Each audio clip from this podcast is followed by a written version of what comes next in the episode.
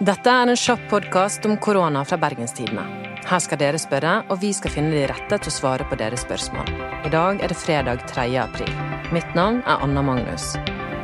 Henrik, hva er det vi trenger å få svar på i dag? Ja, nå er vi jo inne i tredje uke med isolasjon, og mange av oss begynner å kjenne det på kroppen. Men hvem er det egentlig som håndterer dette best? Er det den introverte eller den ekstroverte mennesketypen?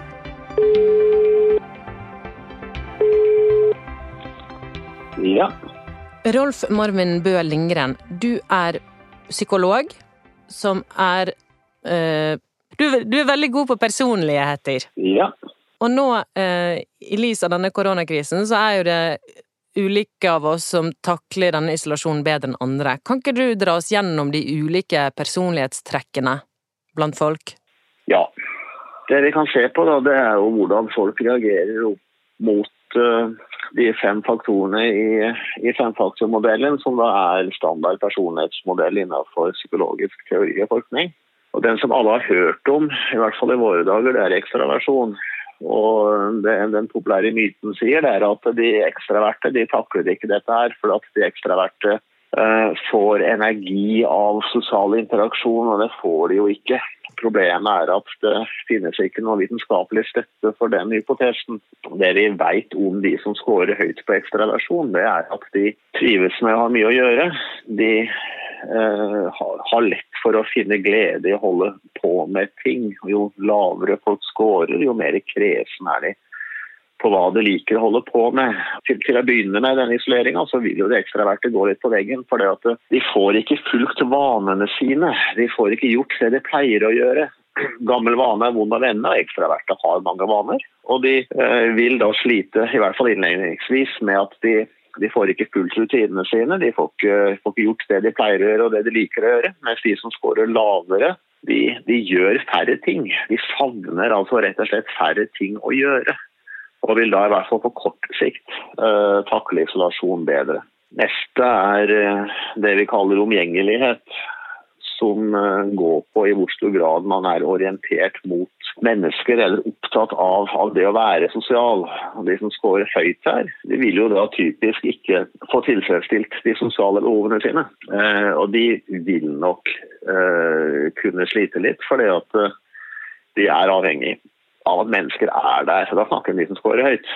Så hvis, hvis, du er en person som gjerne vil være med mennesker, hvis du er en person som har rett opplever det at du, du savner det å prate med folk, så vil du da sannsynligvis være en av dem. hvor lavere folk scorer her, jo mindre grad har de behov for sosial omgang og vil da takle dette her litt bedre. Så har du planmessighet.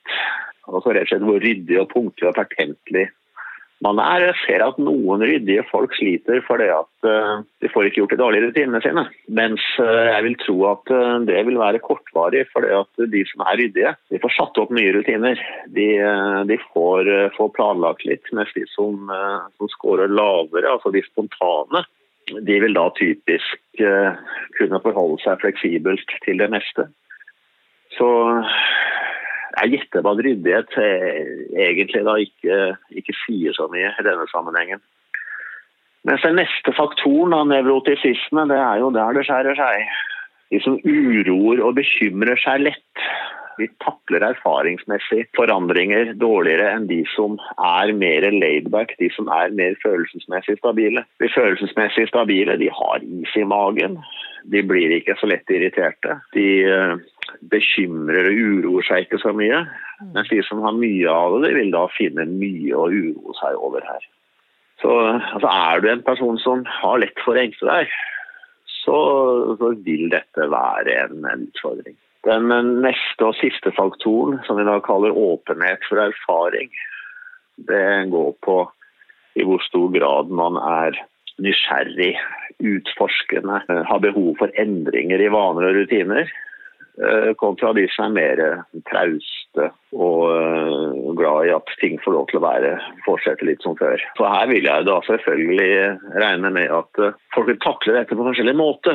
De, de som er trauste og, og, jordnære, jeg gjetter på at de vil takle dette her ganske greit. Mens de som er nysgjerrige og åpne, de vil takle det greit hvis de ikke også er nevrotiske, for da får de så mye mer å bekymre seg over. Så når folk snakker om typer i sammenhenger som dette, så tenker man gjerne på det ekstraverte mot de introverte. og Problemet her er det at det, det finnes egentlig ingen klar definisjon, ingen klar forståelse av hva dette her egentlig er for noe. Um, ekstraversjonsdimensjonen som psykologer snakker om, er ikke den samme ekstravert som en bruker i folkepsykologien. Fordi uh, de ekstraverte, hvis du tar uh, Hvis du grupperer en hel masse mennesker som alle er enige med ekstraverte, og så finner ut Big Five-profilen deres, så vil de antagelig score nokså høyt på ekstraversjon, det vil score nokså høyt på omgjengelighet, og det vil score nokså lavt på, uh, på nevrotisisme. Uh, og Det betyr antagelig at over tid så vil de ekstraverte takle dette bedre enn de introverte. For det at klassisk, typisk introverte, de er nevrotiske. De, er, eh, de bekymrer seg. De, de, de, går inn i lønnkammeret sitt og grubler. Det betyr at eh, de, det jeg tror, er at på kort sikt så takler de ekstraverte dette her dårligst fordi at eh, de får brutt vanene sine. De får ikke gjort det de liker å gjøre. Men jeg tror at de på sikt er mer konstruktive, og at på, varer dette lenge, så vil de introverte begynne å slite. Og Det er også det forskninga viser. Kan man selektere folk til ubåtmannskap f.eks., eller til romferder, så er det det ekstraverte som gjør det best. Interessant. Men Rolf Marvin, tror du at vi blir mer ekstreme versjoner av oss selv når vi er isolert på denne måten? At de typiske trekkene våre bare blir mer? Ja, ja, ja. Jeg tror jeg avhenger av hvor nevrotisk du er. Du definerer stress litt sånn kynisk. Stress det er de følelsene som oppstår i kroppen når det er ting man veldig gjerne vil ha gjort, men ting utenfor ens kontroll hindrer en i å gjøre det. Den mest populære måten å bli stressa på, det er jo for mye å gjøre og for lite av tid. Men øh, å ha mye å gjøre og lite av tid, det er ikke stressende hvis man tross alt har kontroll. Altså Hvis ingenting kommer i veien, hvis man tross alt får gjort det man skal. Det er de tingene vi ikke har kontroll over som gjør at vi føler oss stressa. Og Noen mennesker takler mangel på kontroll bedre enn andre.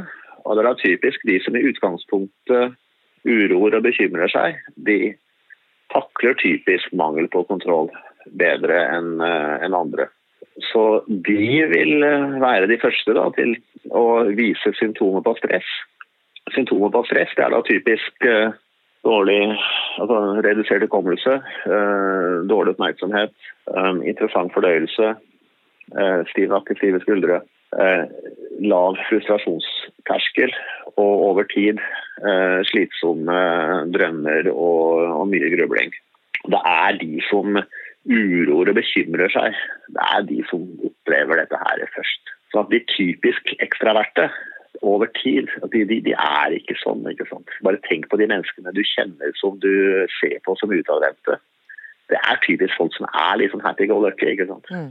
Og så hører jeg liksom fra folk at uh, det er de ekstraverte som går på veggen. Men poenget er det er de ekstraverte som klager.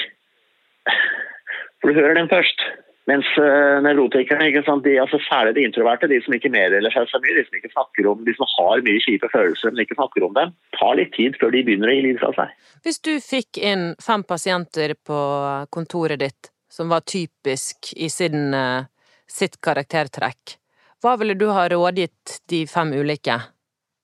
Den som scorer høyt på ekstraversjon, vil jeg rett og slett si at finn på ting for å holde deg i aktivitet. Alfabetiser eh, boksamlinga eller eh, altså gjør andre ting enn det du gjør til vanlig, men hold deg i aktivitet. De som er omgjengelige, la å si at uh, hold kontakt med folk. Snakk med folk, gjerne videosamtaler. Det er altså viktig at de får sosialt påfyll. For de som er uh, som først og fremst er ryddig, så vil jeg rett og slett si det at det, er man en ryddig person, så takler man stort sett, uh, stort sett ting. En person som er veldig nevrotisk, der vil jeg altså den bruker jeg mindfulness-øvelser på for å få dem til å takle det å være nevrotisk. Altså, den ville jeg gått inn og lært teknikker for å holde uroen i, på, et, på et håndterbart nivå. Høy åpenhet for nye erfaringer ville jeg jo da sagt at nå er jo tida inne for å utforske nettet og lære seg ting. Gjerne sammen med de man ellers er isolert med. Altså, jeg er jo sjøl skyhøy på åpenhet og erfaring, så jeg har lært meg masse i løpet av disse 14 dagene. Tusen hjertelig takk. Jo, Ha det godt. likeså. Kom igjen. Ha det. Vi er tilbake på mandag med et nytt spørsmål. Følg med på BT sin løpende koronadekning på bt.no. Mitt navn er Anna Magnus, og produsent var Henrik Svanvik. Lurer du på noe, send meg en e-post på anna.magnus.bt.no.